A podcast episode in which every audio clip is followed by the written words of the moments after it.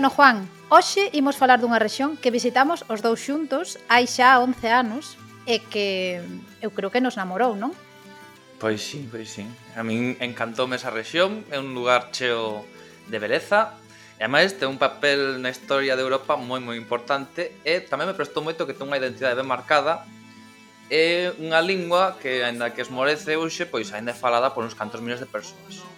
Hoxe imos falar, por tanto, de Normandía sitio que obviamente recomendamos ampliamente visitar porque é pois moi moi bonito e ademais pois bueno, non está tan lonxe da casa, podes ir co coche tranquilamente como fomos nós, que é máis recomendable. Sobre todo desde Bruxelas ou desde Londres. É unha rexión europea bastante atractiva. Bueno, home, tampouco é Rumanía, quero dicir, podes ir co coche tranquilamente. Desde Galicia. Desde Galicia, desde Galicia. Bueno, un día e medio ou dous, sí. Bueno, e para falarnos da situación da lingua normanda, eh, temos como convidado xenofora de mapa a Geraint Jennings, un activista de Jersey que traballa na promoción do Gerrier e da cultura e historia de Jersey. E, e nada, comezamos.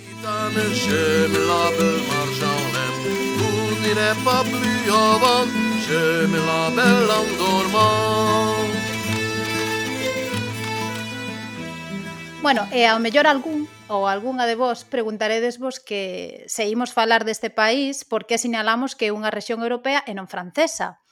Pois porque a Normandía non é completamente francesa, xa que tamén abrangue as illas do canal Guernsey e Jersey, de onde é o noso convidado, que son dependencias da coroa británica. E antes de meternos en materia aí profundamente, pois Juan vai nos explicar que é iso exactamente de, de, de ser dependencia da coroa británica. Así que dalle, Juan, a ver, contanos. Pois a ver, isto quere dicir que non forman parte do Reino Unido de Gran Bretaña e Irlanda do Norte, pero que tampouco son estados completamente dependentes e completamente soberanos, xa que O Reino Unido é o responsable da, da defensa destas illas e da súa representación internacional.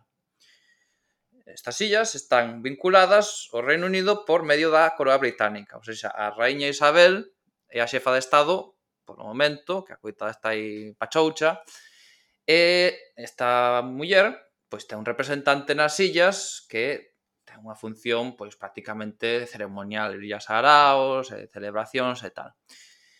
Guernsey e Jersey pois teñen os seus parlamentos, gobernos, eh, tribunais e eh, dereito propio. E, de feito, mesmo as illas pequenas, bastante pequenas illas de Elderney e Sark, nas que viven para aí uns 5.000 habitantes, pois tamén teñen as súas propias institucións. E claro, estas illas o teren aí unha autonomía case que total, pois eso facilita que ali pois eh, se instalen moitas empresas porque como é un, non é como un é un paraíso fiscal e ano que recoñecer, pois Eches. Pois sí, hai moitas empresas británicas que teñen ali oficinas, cositas, subsedes, por aí espalladas polas illas. Bueno, hai que aforrar, hai que aforrar, se podes gastar menos en impostos. Eu tamén o faría ou non, porque hai que contribuir Bueno, sobre todo, as illas do canal son uns sitios que todos os galegos e galegas que vivimos en Londres coñecemos ben pero desde o aire, porque se hai algún londinés galego escoitándonos, seguro que se deu de conta algunha vez que as rutas en avión que van de Londres a Galicia pasan xusto por enriba delas. Eh, nos días que están clariños, que bueno, non son moitísimos, pero algúns hai, pois vense perfectas. Así que eh, realmente temos as sillas pois moi ben localizadas. Sí, ademais as sillas do canal están últimamente moi de actualidade polo lío este que teñen Francia e Reino Unido, con respecto aos acordos pesqueiros eh, do Brexit. Ou sea, en principio os pescadores franceses ian recibir unha serie de, de licencias por parte do Reino Unido eh, das illas para pescar en, nesa área, pero pois tanto as illas como o Reino Unido pois non lle facilitaron todas as licencias que demandaran, pois unhas excusas un pouco peregrinas. E bueno, pois eh, a Macron os pescadores non lle presta moito, ademais a Macron especialmente porque se pode gañar votos aí eh, utilizando a carta do orgullo francés ferido pola pérfida Albión. E os pescadores normandos pois puxeronse tan bravos que mesmo chegaron a bloquear o porto principal de Jersey cunha flota que creo parecía a batalla de Lepanto. Así que pois este conflicto pesqueiro pois é diplomático, tamén nos serve para eh, situar as illas no mapa. E como ademais isto vai durar moitísimo, pois mira, así xa sabemos onde están. Para cando saian os telediarios nos próximos meses ou anos. Sí, igual falas tú deso, igual. Bueno, eh, en canto á Normandía continental, Pois a día de hoxe é unha rexión administrativa francesa conformada por cinco departamentos. Isto significa que a rexión de Normandía pois ten unhas institucións, un goberno rexional, un parlamento e unha especie de consello económico e social. E bueno, certa autonomía, pero bastante máis fraquiña, bueno, moito máis fraquiña que unha comunidade autónoma española. Por exemplo, teñen algunhas competencias en desenvolvemento económico, xestión de fondos europeos, transporte ou medio ambiente. Si, e no que respecta ao tamaño de Normandía, pois a rexión é bastante similar a Galicia, pero cunha poboación algo maior. Son alrededor de 3.300.000 habitantes, dos cales 160.000 viven nas illas do canal. Eh, Normandía, a ver, para que vos situedes, pois abrangue case toda a costa francesa do Canal da Mancha. E históricamente estaba dividida en dúas zonas, ou, ou tres, se contamos as illas do canal, E estas zonas son a Alta Normandía, que son as terras xunto á desembocadura do, do río Sena, e a Baixa Normandía, que é a rexión alén do, do río Sena, onde se sitúan as cidades de Caen ou Xerburgo. Moi ben. Bueno, pois unha vez aclarada a situación administrativa e xeográfica, que sempre é necesaria un pouco para situar mentalmente sempre. a zona de que estamos a falar, pois imos comezar co repaso histórico. Como saberedes os que vistes a serie de vikingos, a rexión pois desenvolve unha identidade diferenciada tras as invasións vikingas e, por tanto, aí o nome Normandía. Normandía terra dos normandos, ou seja, os homes do norte. Ou seja, os vikingos. E estes levaban saqueando a zona de Normandía desde o século IX e no século X mesmo se asentaron na desembocadura do Sena e sitiaron París, que é unha míticas esteas que saen a serie dos vikingos. Esta cidade de París era a capital do Reino de Francia Occidental, que é un dos estados que xurdiron tras a desintegración do Imperio Carolinxo. Isto, pois, sai na, na serie dos vikingos, como xa, xa dixen, pero hai moita fantasmada e moita simplificación.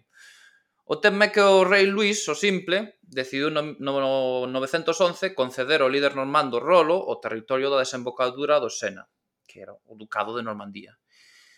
E que nese momento era a alta Normandía só, con capital en Rouen. O Rolo, este vikingo, pois convertíase así no vasalo deste rei de, de Francia Occidental e de paso pois defendía a capital, defendía París das incursións vikingas que entraban polo río arriba. E como este territorio lle parecía pouco rolo, e o fillo que tivo, pois entre os dous, pois acabaron por anexionarse tamén a Baixa Normandía até gobernar a rexión enteira, pois porque sí e porque podían. Bueno, e porque a ver quen se lle poñía por diante, claro. Bueno, nesa altura, Tanto estes duques normandos como boa parte da poboación normanda xa estaban asimilados á cultura franca, porque era vista como máis prestixiosa, mas tamén porque os normandos ou vikingos, ao casaren obviamente con mulleres locais, pois acababan tendo fillos de lingua e cultura francesa, porque, bueno, claro, quen coida e cría dos fillos pois eran case sempre as mulleres que transmitían a súa lingua. E isto tamén lles pasou aos vikingos noutras zonas que dominaron como Ucraina, onde estes fundaron dinastías pero acabaron asimilados na cultura e lingua locais en boa medida por eso mismo, porque casaban coas mozas da lá. Por tanto, os habitantes da Normandía daquela época falaban unha lingua romance como os seus veciños de París, pero con certo léxico e fonética escandinava. Ademais, os normandos non só trouxeron a súa lingua, que influenciou a local, tamén as súas costumes que aínda son dereito constitucionario en vigor nas illas do Canal, por exemplo. O expandirse o territorio normando a Baixa Normandía, o duque normando Guillermo Conquistador decidiu facer de Caen un centro importante de poder no século XI. E si podedes ir de Caen, que é un sitio ben bonitiño e comese moi ben. Así desta maneira, pois o Guillerme pois afianzaba o dominio sobre esta rexión recentemente incorporada. Aínda que este señor pois tampouco botou moito tempo en Caen, xa que no 1066 decidiu invadir Inglaterra e fíxose co trono deste reino impoñendo o dominio normando. Pois, unha guerra dinástica, o tipo dixo, aquí teño máis dereito cos outros, e ademais pois teño máis mm, exércitos máis grandes e máis potentes, e decidiu invadir. E, por tanto, corouse rei de Inglaterra sen deixar de ser duque de Normandía e vasalo do rei de Francia. Ou sea, era rei de Inglaterra e como seguía sendo duque de Normandía, pois seguía sendo vasalo de, do rei de Francia. Pero bueno, era un vasalo daquela maneira, xa que il era igual de monarca que o francés, pero no territorio de Inglaterra. É un pouco lioso, pero bueno. Por certo que o Guillermo Conquistador, Baque, Baque loitou na, na batalla de Hastings, a batalla definitiva para conquistar Inglaterra, cun cabalo galego. Ou iso que di, que afirma Manuel Gago, que saberá máis. Eu non lle estiven ali para miralo, pero bueno, se o di o, o Manuel Gago, ha de ser verdade. Ha de ser logo. Bueno, e coa conquista normanda de Inglaterra non só se impuxo esta nova élite normanda na illa, senón que tamén a lingua normanda tivo un impacto no idioma inglés, aínda que unha influencia moito menor que a do francés.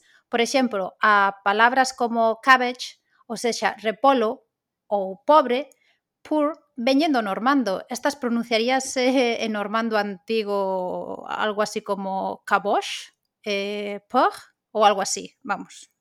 Mais ou menos. Algo así. Temos un B1 de, de normando sí, antigo. Non. Pero os normandos, que non teñen paría, pois tamén os deu por mirar cara ao Mediterráneo e establecerse no sur de Italia, pois porque eran bastante imparables estes tíos. E ali, a base de pausa e intelixencia, pois acabaron por gobernar tanto o sur da bota como conquistar eh, conquistar os sicilios árabes, como xa explicamos no episodio dedicado á illa de Sicilia. De feito, fundaron unha dinastía que gobernaría a illa e máis o sur da península itálica durante un século. E por iso, en siciliano, aínda uxe, hai certas palabras da lingua normanda, como por exemplo, tripari, que vendo normando, tripé, e que significa saltar Eh, e desculpai o meu normando porque ainda estamos a aprender. E o siciliano tamén o estamos a aprender, sí. pero bueno, ha de ser máis simple. O mellor quedamos aí, e xa non evolucionamos máis, pero bueno, o, o intento facémolo.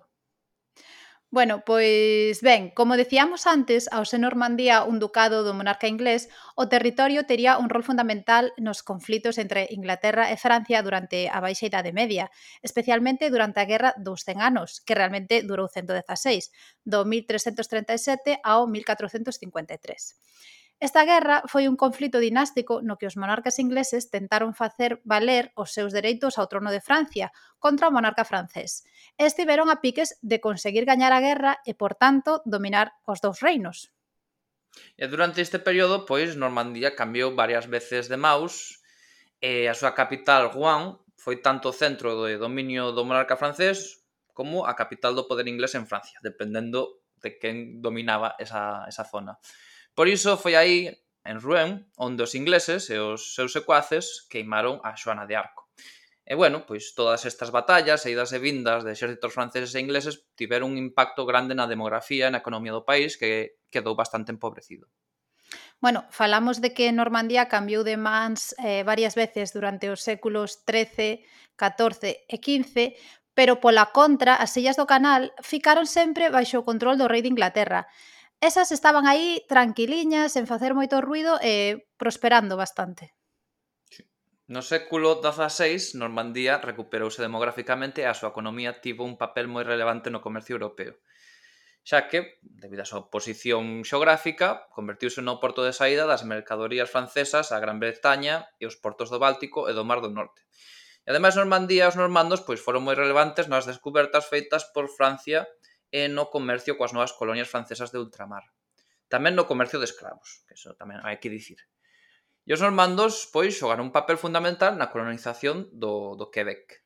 Unha parte importante dos colonos franceses eh, que acabaron nesa provincia do Canadá saíron de Normandía e dis que é por iso que existen préstamos do normando no dialecto quebecoa e mesmo hai lingüistas que sinalan as influencias do normando na especial Chamoullesí pronuncia que teñen os quebecuás que eu teño que dicir que non hai por onde collela e eu, que escoitos falar nese francés e eu escacho, eu é como é como o portugués do Brasil, é unha lingua que é para rir. Bueno, non sei, eu de, de logo non os entendo nada. E non é que escoitara moito, pero o típico audio que che poñen nas clases de francés de con diferentes ac acentos franceses e tal, eu é imposible, eu non entendo nada, o sea, aparte, bueno, meu francés está limitadiño, pero eso é imposible de entendelo. Pero tú dabas bastante ben o francés cando vivías en Bruselas, eh?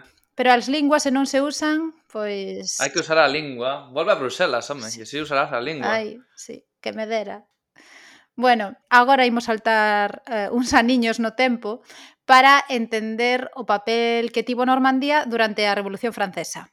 Pois foi un papel algo pasivo, e de feito os normandos pois son vistos polos franceses como indefinidos ou indecisos, que non saben se suben ou baixan e que non escollen bandos de maneira firme, que é algo que a nosos galegos non sonará. Sonanos, sonanos. Non sei se para ben ou para mal, eh? pero sonar sona que é xa un pouco pesadito de subir e baixar. Home, sí, é un cliché un pouco xa repetitivo, pero para min é bastante positivo, non non tomar as cousas como absolutas e que hai moitos grises polo medio, e eh, non todo é branco e negro.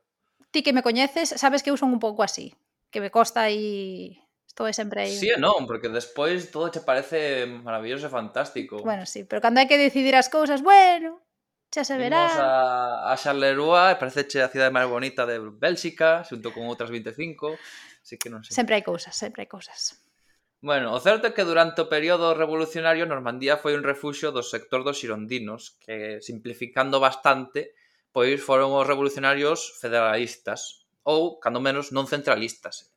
E estes revolucionarios viñan das rexións de Francia e estaban enfrentados aos xacobinos, que eran os centralistas, que foron os que gañaron nesta, neste conflicto entre revolucionarios. Boa parte de Normandía rebelouse contra os xacobinos nun levantamento federalista no 1793. Pero este levantamento foi esmagado polos xacobinos que acabaron por impor a súa axenda centralista. Esta axenda tamén conlevaba a imposición do francés na administración, na educación e nos medios. E a reducción da lingua normanda a un patuá que había que eliminar, mesmo cando a principios do século XIX a gran maioría dos normandos falaban a súa lingua e non o francés. Durante os dous últimos séculos, a urbanización do país, a migración á capital e a falta de prestixio do normando pois reforzou ese proceso de afrancesamento, entre aspas, reducindo a lingua normanda ás zonas rurais das áreas máis próximas á costa da Baixa Normandía e á área de Co, E obviamente as illas do canal que viven aparte, e como dixemos, pois están aí tranquiliñas. Bueno, tranquiliñas e non contamos que durante a Segunda Guerra Mundial foron ocupadas polos nazis, eh, que foron o único territorio baixo dominio do Reino Unido que foi ocupado polo Terceiro Reich. Sí, en esas illas tamén se deu un proceso de substitución lingüística, sobre todo no século XX, do que obviamente nos vai falar o noso convidado, pero que imos explorar un pouquiño agora como é a situación da lingua normanda na actualidade. Pero ben, a pesar de séculos e eh, políticas uniformizadoras do Estado francés, A día de hoxe, aínda hai alrededor, bueno, alrededor porque non hai datos fiables, porque tamén isto é parte da política do Estado francés, non facer enquisas lingüísticas porque todos falan francés e xa está. Pois hai alrededor de 100.000 falantes da lingua normanda, tanto nas illas como na rexión francesa. E esta lingua normanda pois é unha lingua latina do subgrupo das linguas de Oil, ou seja, as linguas e dialectos derivados do latín vulgar falados no norte de Francia e no sur de Bélxica. A día de hoxe existen tres formas principais e diferentes do normando. O normando da, da Normandía continental, o Gerrier, en, na illa de Jersey, e o Guernsey, na illa de Guernsey. E obviamente, pois tamén hai diferentes variantes dialectais, pero en principio todas estas variantes pois son inteligibles entre sí. O problema é que tanto uns como outros pois están fortemente influenciados polos idiomas dominantes da contorna, ou seja, o francés no, no continente e o inglés nas illas. Por tanto, pois perderon trazos tradicionais e propios da lingua normanda. Ainda así, nas linguas normandas, pois escribiron unha chea de autores tamén na época medieval, tiveron aí unha especie de florecemento da, da lírica normanda, e o poeta medieval medieval Wace, pois eh, digamos a, o seu poeta nacional. Este escribiu unha epopea sobre Guillermo o Conquistador no século XII, e xa últimamente, nos últimos séculos, pois temos a figura de Georges Metivier, supoño que se pronunciará así, que é o poeta nacional da illa de Guernsey, pero, como xa podedes ver, pois son case todo poetas. Hai pouca narrativa porque nos, os falantes de, de linguas minorizadas, que eso é algo que se dá en case todas, pois normalmente son máis propensos a escribir poemas que, que novelas. E como son o normando, preguntaredes vos? Pois sona desta maneira. Ah, ça, et ceux que nous disait presque en queue que nous tuait, il a ses bonnes adresses. Et ceux qui, et ceux qui rendent visite, les rendent pas souvent la politesse parce qu'ils sont pas si nombreux à prendre place dans les bancs de notre église. Como vos podedes imaginar, o idioma normando non é oficial en Francia e a súa supervivencia depende en boa medida dos esforzos de activistas e de certos municipios que apoian iniciativas para divulgar e protexer a lingua. Por exemplo, o normando é só ensinado nun colexio en Brinquebec, en Contentán. Non sei se o dixen ben, pero bueno, intentei no. Dixaches. Unha hora por semana, só. E, eh, pola súa parte, o goberno rexional normando apoia a organización de faladoiros, aprobou un plan para salvar e normalizar a lingua e mesmo demandou ao presidente Macron o recoñecemento do normando como lingua rexional e, por tanto, de ensino limitado sempre nas escolas. Pero bueno, está por ver que isto chegue a algo. E eu, pois, eu e todo o mundo sí. desconfiamos de, desconfiamos. de que Francia pois acabe aprobando cousas do estilo porque son moi centralistas e non lles presta, por menos as élites políticas, non lles presta a diversidade lingüística. Ainda así, se ides por elí e sodes curiosos, poderedes ver sinais e cartéis na algúns negocios ou en algunhas aldeas, sobre todo na costa, que onde máis se usa o normando. E ademais, pois, utilizan a bandeira normanda está por todas partes. Eh, son moito de usar a bandeira. Sí, e por certo, que o famoso escudo de Inglaterra dos tres leóns, pois inspirouse eh, nesta bandeira normanda, precisamente, que é igual, pero con dous leóns só. Bueno, mesmo existe unha Wikipedia en normando, con 5.000 entradas. O sea, xa que podedes botarlle un ollo e informarvos. Eh, a situación é diferente nas illas do canal onde tanto o Gerrier como o Yernesier son recoñecidas como linguas rexionais polo Consello Británico Irlandés, un organismo de cooperación entre os gobernos de Irlanda, Reino Unido e as súas nacións, é dicir, Irlanda do Norte, Gales e Escocia e as dependencias da Coroa, ou sexa, Man e as Illas Anglonormandas. E existe, ademais, apoio por parte das institucións de cada súa illa, E mesmo pois hai emisións nas radios e televisións públicas locais en Gerrier e Gernassier. De feito, o Gerrier é desde 2019 lingua oficial da illa, cando o francés e o inglés. Tamén hai proxectos para salvar o pequeno dialecto da illa de Sark, que hoxe é falado por un par de dúcias de persoas, que como se os da illa de Ons, pois falasen a súa forma propia de galego. Por certo que esta pequena illa de Sark pois só aboliu o feudalismo hai 13 anos. Xa, xa lles levou tempo, pero bueno, son cousas propias destes territorios con fiscalidades baixiñas. Es, bueno, son, son sus costumbres e hai que respetarlas. Son raras, pero hai que respetalas. Bueno. Eh, de calquera maneira, o inglés é a lingua hexemónica desde hai décadas, aínda que o francés pois tamén ten a, algunha relevancia na administración e ollo que hai un 2% que fala portugués, cousa mm, que eu descoñecía absolutamente.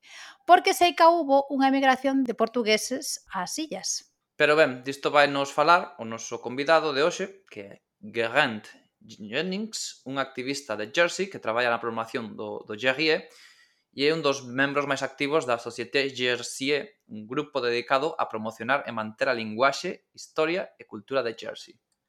Ola, Geraint. En primeiro lugar, moitas grazas por aceptar a invitación para participar no noso podcast sobre a lingua normanda e benvido a Fora de Mapa. It's a pleasure to be here. Sí, en primeiro lugar, gustaríanos que nos falaras un pouco do Lufis du Llegué. Que facedes exactamente e cales son os vosos obxectivos? Uh, in 1999, the government of Jersey launched a pilot project for teaching Jerry in schools. En 1999 o goberno de Jersey comezou a execución dun proxecto pro ensino do xerrie nas escolas para aqueles nenos que de maneira voluntaria decidisen aprendelo. E unha persoa foi nomeada para realizar un plan para ensinar e executar o programa educativo. E eu involucreime a tempo parcial como profesor, porque, bueno, eu son profesor. E despois unime o meu outro colega que executaba este plan e decidimos crear Ah, uh, Lofis do Jarrier, un nome moi simple para todos e que ademais está na lingua da illa.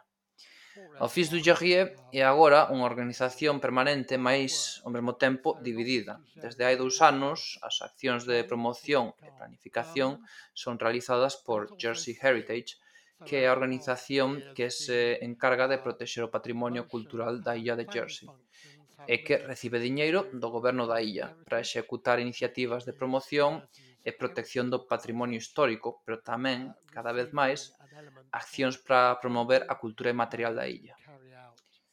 E ademais, existe un departamento educativo no que hai un número de mestres que medrou para chegar tamén a máis escolas e así lograr ter unha unidade, unha unidade educativa de inmersión en algún centro ou mesmo unha escola na que exista a inmersión en GRE, anda que iso enda un plan para un futuro próximo.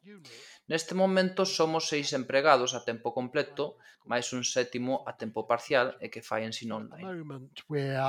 Six almost full-time employees plus one employee who's uh, one teacher who's doing some online teaching.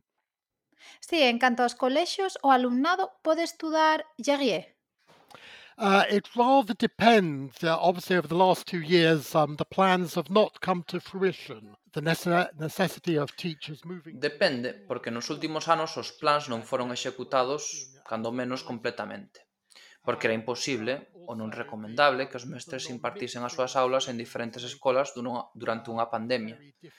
E tamén era imposible misturar os estudantes, xa que habitualmente os mestres de Yahie ensinan a nenos de diferentes idades na mesma aula, e coas restriccións aplicadas por culpa da pandemia, pois isto foi imposible. Pero esperamos executar o programa en canto pase.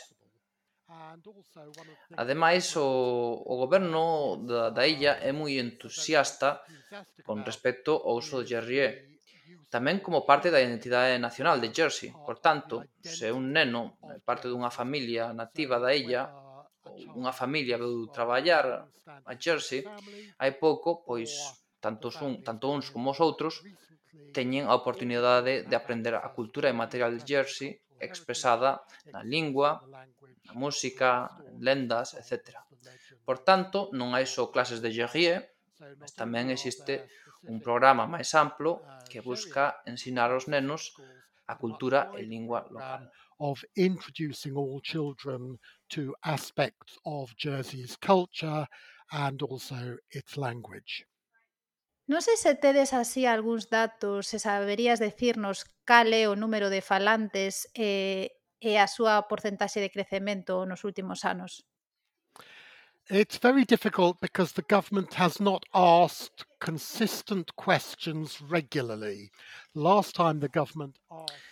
É difícil dicilo porque o goberno non ten realizado este tipo de preguntas nas enquisas de maneira regular e consistente. A última vez que o goberno fixo este esas preguntas sobre o Yerrie foi en 2012 e tivemos resultados bastante contradictorios que dicían que a pesar de que só un ou un por cento da poboación podía falar Yerrie de maneira nativa, sí que había unha importante parte da poboación que tiña un nivel pois, baixo de Yerrie. Por exemplo, un tercio podía entender que non usaba, eu en quinto, eu en quinto podía falar pois cunha corrección mínima. O mesmo, moitas veces, pois, misturaban palabras e frases de Jerrier co seu inglés. De feito, hai unha chea de frases e proverbios que son parte da nosa modalidade de inglés local. Existe unha parte importante da poboación que sinte a lingua como propia, ou cando menos parte do vocabulario jergué. E penso que poderemos traballar sobre isto no futuro. Ademais, adoptouse o Jarrier como terceira lingua oficial da illa en 2019 e tense instalado bastante sinalética en dous ou tres idiomas en dous, non, nos dous ou tres idiomas oficiais da illa inglés, francés e jerrier e ademais eh, existe unha campaña de normalización do jerrier na comunicación do goberno insular. Con isto, máis e máis xente acabará por sentir que o yehie é parte da vida diaria anda que non use o idioma. Uh, has meant that more and more people are feeling that Jerry is part of their everyday life, even if they don't speak it themselves. E comparado con Francia, como é a situación da lingua? Mellor ou peor? it's very difficult because under the ideology of the uh, French Fifth Republic census questions or questionnaires into uh, identity and language cannot be... É difícil sabelo, xa que debido á ideoloxía da Quinta uh, República Francesa é imposible facer enquisas uh, sociolingüísticas ou sobre a identidade dos cidadáns con certas garantías. As suposicións sobre, os, sobre o número de falantes de normando na Normandía francesa varían moito. Unha cifra moi divulgada e 20.000 falantes, pero iso só comprende os falantes da Normandía Occidental e non a parte oriental, o leste do Sena, na que hai miles de falantes. E ademais hai unha chea de normandos que usan acotío vocabulario ou frases na lingua normanda sen seren eles falantes do idioma. A situación alá é moi diferente con respecto ás illas, xa que a maioría da poboación é francófona e fala un idioma moi similar ao normando. E isto non ah, sucede nas Illas do Canal, onde ese cambio de lingua non é tan sinxelo do, do Gerrier, Guernesé ou Serquier ao inglés. Por tanto, a visión fundamental é que temos unha lingua pluricéntrica, a lingua normanda, recoñecida como oficial en Jersey e falada tamén en Guernsey e por uns cantos falantes eh, na illa de Sark alrededor duns 20, anda que existen esforzos para revitalizar o idioma. Por tanto, hai como alrededor dun 1% de falantes con competencia de Gerrier, de, de Gerrier e de Gerseyer, pero hai unha gran aceptación do idioma por parte da poboación na illa. Pero é difícil falar da situación na Normandía continental, xa que a lingua non ten estatus oficial nin ningún tipo de recoñecemento. Pero ben, nos últimos anos houbo cambios en Francia. Normandía reunificouse nunha súa rexión despois da reorganización regional do Estado francés. Por tanto, agora a administración de Normandía está a desenvolver accións para protexer a lingua normanda. De feito, eu son parte do Consello da Lingua Normanda, que é un órgano asesor do goberno normando en materia lingüística, Por exemplo, eh, estamos a compartir con eles as accións executadas nas illas para normalizar as linguas normandas, porque nas illas estamos moito máis avanzados que no continente no relativo á protección do idioma. Sí que existe agora na Normandía a posibilidade de que a rexión, eh, os municipios, pois teñan permitido o uso da sinaléctica bilingüe sempre que o francés sexa empregado tamén. Isto permitiu que se realizasen algunhas iniciativas como, oh. fundamentalmente pois sinais bilingües en algúns concellos e un uso limitado de idioma normando no Parlamento de Normandía. Hai algo de apoio por parte da rexión, pero aínda moi fraquiño. Hai só unha escola que ensina normando e polo momento a lingua normanda non está na lista de idiomas regionais que poden ser ensinados durante as horas lectivas. Pode ser estudado, sí, pero soamente como actividade extraescolar. Hai moitos máis estudantes de Normando nas súas variantes locais nas sillas que na rexión de Normandía na República Francesa. Learners in schools in Jersey and Guernsey of Norman than there are across the whole of the mainland region of Normandy in the French Republic. Sí, supoñemos que non debe ser doado competir non só cunha lingua global como o inglés, senón con dúas, porque tamén se usa o francés nas sillas, se non, se non andamos equivocados. Yes, so French was the only official language in Jersey until 1900, when English became an official language. O francés foi o único idioma oficial até o principio do século XX, e desde aquela o inglés comezou a reemplazalo. A primeira lei aprobada en inglés en Jersey foi o imposto sobre a renda en 1927. Por tanto, nin sequera un século pasou desde aquela. E mesmo hai hoxe en día algunhas emendas legislativas que se fan en francés. Pero non hai unha situación de bilingualismo na illa. Hai algunhas cousas que teñen que ser feitas en francés, fundamentalmente cousas ceremoniais e formais, pero por resto úsase o inglés habitualmente. Mas esta situación de falso bilingüismo foi usado para atacar o ensino e a transmisión do Gerrier durante moitos anos. Xa sabedes. Non se debe usar o Gerrier aos nenos nas escolas porque lles vai impedir falar ben o francés ou aprendelo con corrección. Mesmo había nenos que recibían castigos por usar o Gerrier na escola en vez do francés. Aínda que quen falaba inglés e Gerrier tiña mellores competencias lingüísticas e falaba tamén mellor francés. Mas agora a situación cambiou case completamente. Eses prexuizos desapareceron E a sociedade recoñece que ter competencias en Jarrie vai reforzar o uso e a aprendizaxe do francés. Se impides a xente usar a lingua da illa, a xente non vai pasar a falar francés, senón que simplemente vai usar só o inglés.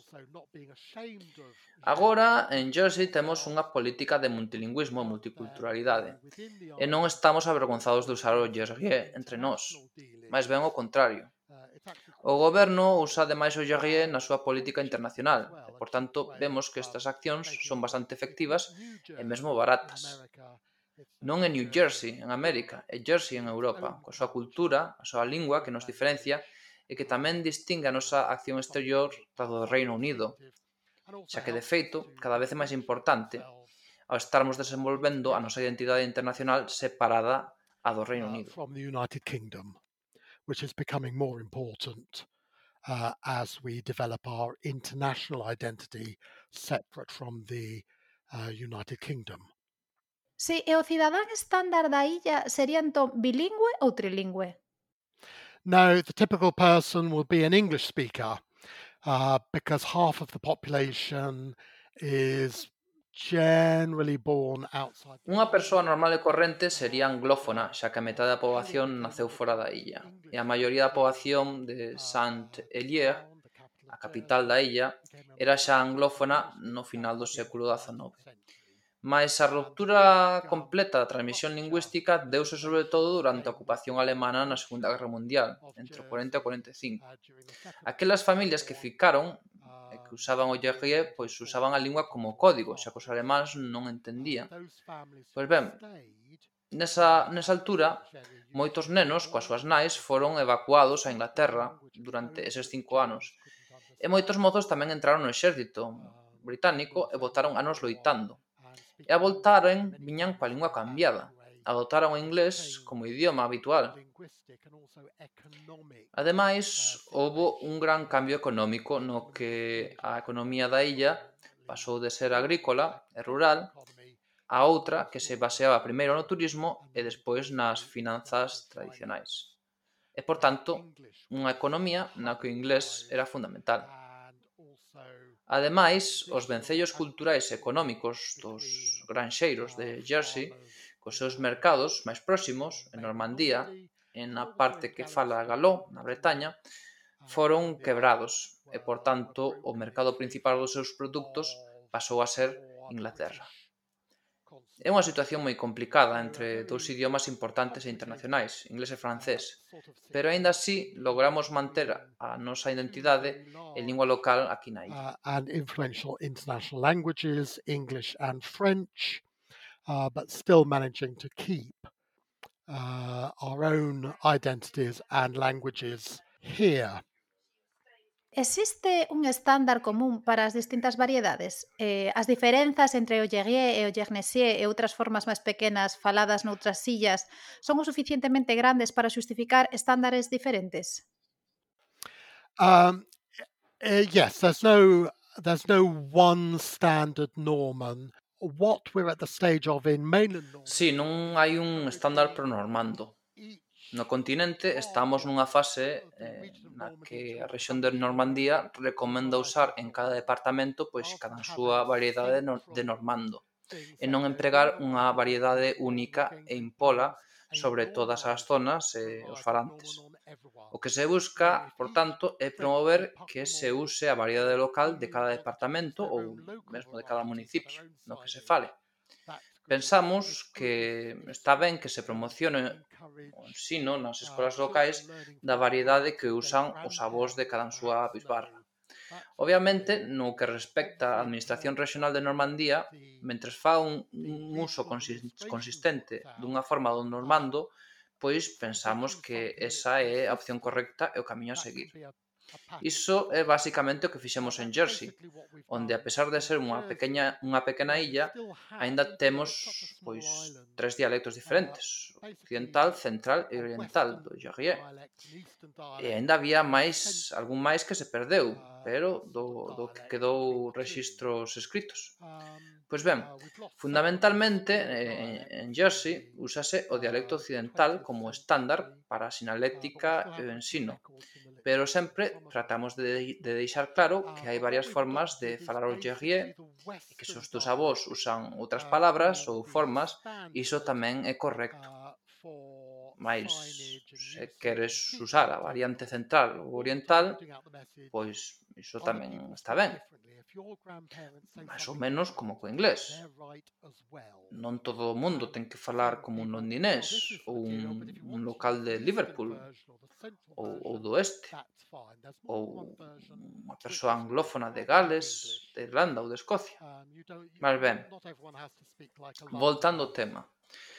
Para lograr esa consistencia é preciso que o goberno da illa comunique en Jarrie de maneira consistente.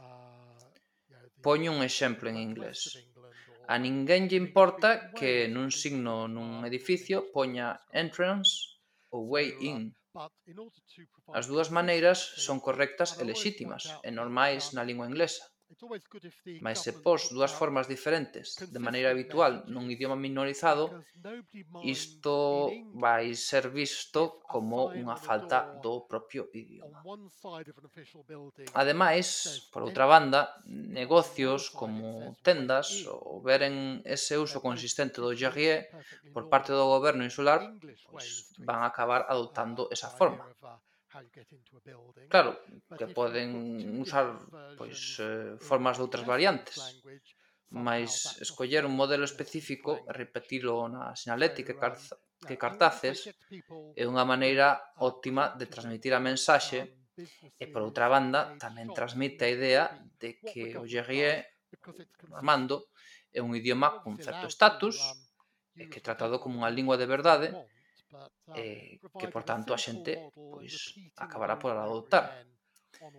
E ademais, así desta maneira, pois os, os falantes por outra banda non van ser, digamos, pois creativos a hora de usar eh, o vocabulario do Gerrier. Por tanto, o goberno insular ten unha estrategia cultural que lle dá moita relevancia ao Gerrier mas tamén unha estratexia específica para a lingua para o período 2021-2024 que está a ser executada neste momento e que inclúe accións en áreas como o ensino, a promoción do uso do idioma, especialmente en asociación, comercios e compañías. Uh, Jerry, in terms of teaching, in terms of promotion, in terms of usage, and then in terms of encouraging uh, associations, organizations, businesses to move forward. Sí, por último, hai algún tipo de cooperación cos colegas franceses en Normandía que traten de difundir eh, e protexer a lingua? Uh, yes, we have cultural um, links. Sí, temos vínculos culturais con asociacións en Normandía. Hai unha, aso unha asociación que agrupa a todas estas organizacións tanto do continente como das illas, que se chama La Fal. Lo du Jarrier é un membro eh, tamén cooperamos con organizacións lingüísticas en, e culturais en Jersey, aínda que a situación ali é algo difícil sendo diplomáticos. Obviamente, tamén traballamos co Consello da Lingua Normanda, que asesora a Asamblea da, da Normandía e da, que, e da cal eu son un membro. Tamén temos cada ano anda que non se celebrou nestes dos últimos anos da pandemia, pois un festival que se celebra cada, cada ano nunha comarca ou rexión diferente da Normandía. Chámase La Fête de Roison. En ela podese escoitar todas as diferentes variedades da lingua normanda, tanto da diferentes departamentos ou bisbarras do continente, como das illas. Hai unha chea de actividades, como lectura de poesía, contacontos, música e moitas outras moitos outros eventos. E claro, bastante folclore que atrae moita xente. Pero ben, é un evento fundamental xa que non hai uns medios de comunicación comuns para as diferentes formas de Normando e entón esta é unha forma moi boa de comparar as nosas falas inspirarnos os uns aos outros, intercambiar ideas, coñecer as tradicións de cada un, etc. Aquí, na illa de Jersey, estamos familiarizados co acento do dialecto occidental, que é similar ao da península de Cotentin, onde está Cherburgo. Mentres que na outra esquina de Normandía, o país de Co, onde está Le Havre, é máis difícil de comprender, ten unha serie de peculiaridades Mais ben, as formas escritas destas falas, os teren todas un núcleo común, pois son bastante fáciles de, de entender para calquera falante dos idiomas normandos. O problema é na oralidade, sempre, que non esteas afeito a oír eses dialectos, que son máis diferentes ao teu. Pero bueno, isto non é un problema pro normando, é unha das cousas positivas que ten. Esa rica diversidade dialectal tanto na República Francesa como nas illas anglonormandas. Por tanto, como unha lingua transfronteiriza, o normando ten algo para ofrecer, tanto nos territorios normandos como fora destes. the Norman territories, but also outside the Norman territories. Pois moitas grazas, eh, Geraint, polo teu tempo e por ilustrarnos sobre a situación da lingua normanda, especialmente nas Illas do Canal. Thank you for talking. Okay, goodbye, Abby. E con todo, a pesar desta situación desfavorable para a lingua, os normandos están moi orgullosos da súa cultura e historia, eh, se ides poli e de lo ver, porque son, son moi flipados, parece moi ben, e eh, este, este flipe eh, coa identidade regional é algo que teño visto bastante en Francia. Teñen un regionalismo que na maior parte dos casos é bastante folclórico, e relativamente inocuo pero que aínda así pois é bastante agradecer, porque unha das cousas fantásticas de visitar Normandía ou outras rexións, como, non sei, Alsacia, pois é ver esa identidade regional tan marcada, pois vendo que as persoas, os negocios, pois reivindican as conexións cos vikingos, da Idade Media, ou manteñen esa arquitectura fantástica, con esas casas preciosas, con estruturas de madeira, e teñen lugares moi moi ben conservados, como por exemplo Onfleur, que me parece un flipe que non coñecía, que fun el gracias a Sabarís, que nos dixo, ai, que era Onfleur, que é un sitio precioso. Perdón, gracias a meus pais. Bueno, que nos dixeron, tedes que ir a Onfleur. Santos pais. Tedes que ir a Onfleur. Santos pais. Sí, sí, moi bonito, a verdade. Bueno, e tamén eh, na gastronomía, de Dalí son o Camembert, o Calvados, que un aguardiente de pera ou mazá, eh, que a Juan que lle gusta moito, non? Me temedo que me gusta. non sei, eu non o probei, nin teño opinión sobre o licorcillo este. Bueno, tamén está a sidra, que é moi popular, ou a tergul normand, que é como un postre feito de arroz do estilo do que coñecemos nos como arroz con leite, pero que se fai no forno. O sea, a maneira de facelo é diferente, pero bueno, a idea é a mesma, é un arroz doce. E bueno, nas sillas do canal, pois hai moita pataca, que seca é moi moi boa e moi apreciada. E esa identidade diferenciada pois podese ver tamén no folclore. Por exemplo, con grupos que cantan cousiñas en normando como estes, os Badablec. Coco coco lâche, coco Coco lascia, vorrei denoccia. Coco, Coco lascia.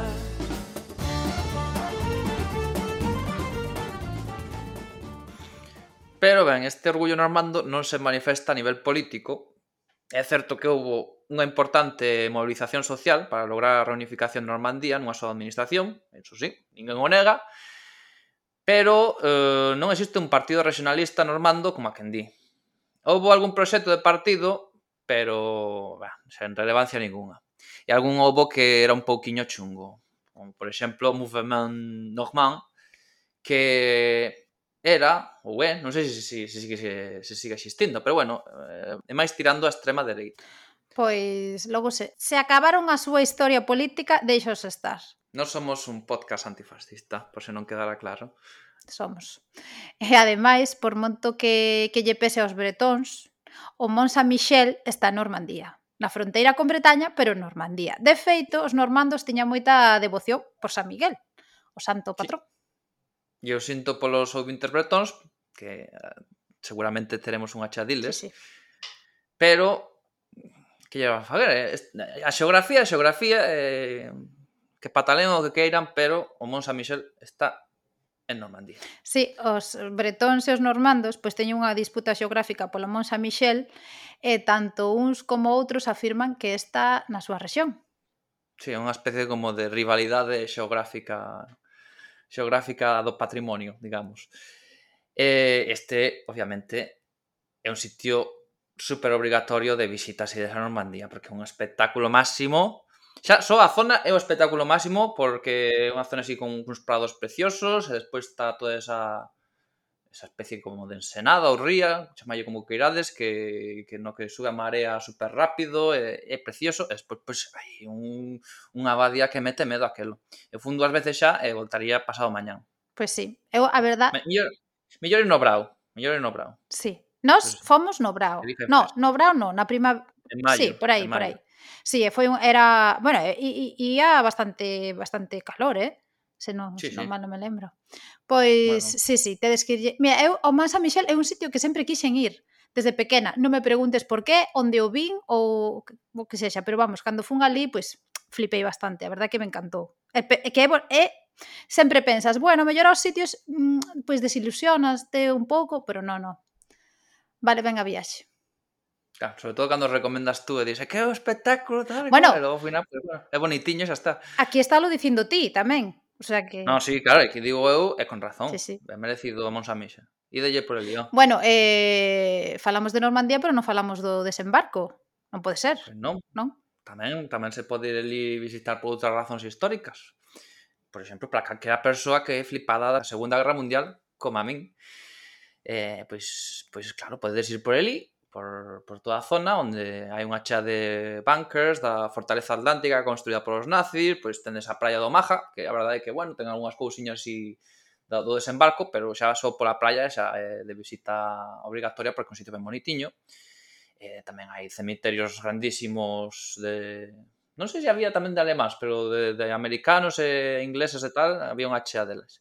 E tampouco nos debemos esquecer de Etretart, que é un sitio ben precioso, na, na Alta Normandía e que foi pintado mm, centos de veces ou dúcias de veces polo pintor impresionista Monet. Elí hai uns cantís ben bonitos, hai uns arcos naturais tipo as catedrais, pero con outro tipo de, de pedra.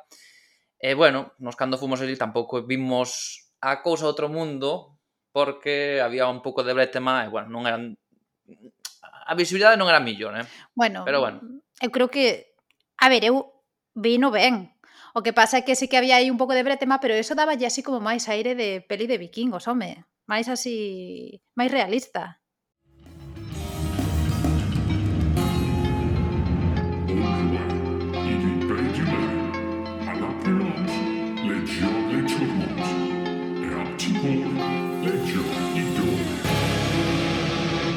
Hoxe pechamos o Fora de Mapa con máis black metal Sempre que eh, hai moito moito black metal en linguas eh, regionais e minorizadas, non sei por qué.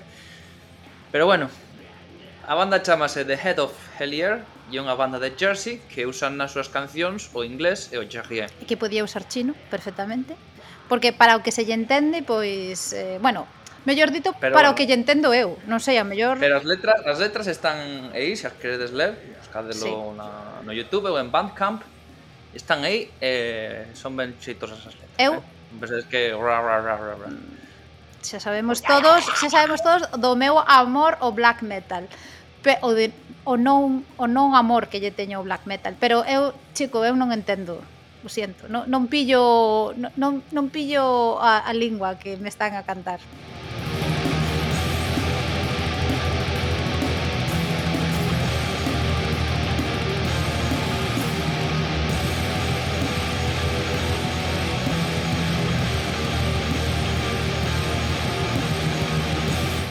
como sempre lembramos vos que nos podedes contactar nas nosas redes sociais en Twitter, Facebook e Instagram e no noso email fora de mapa podcast arroba gmail.com E por favor, non, non vos esquezades do Goodreads porque Juan Juan pasou mal.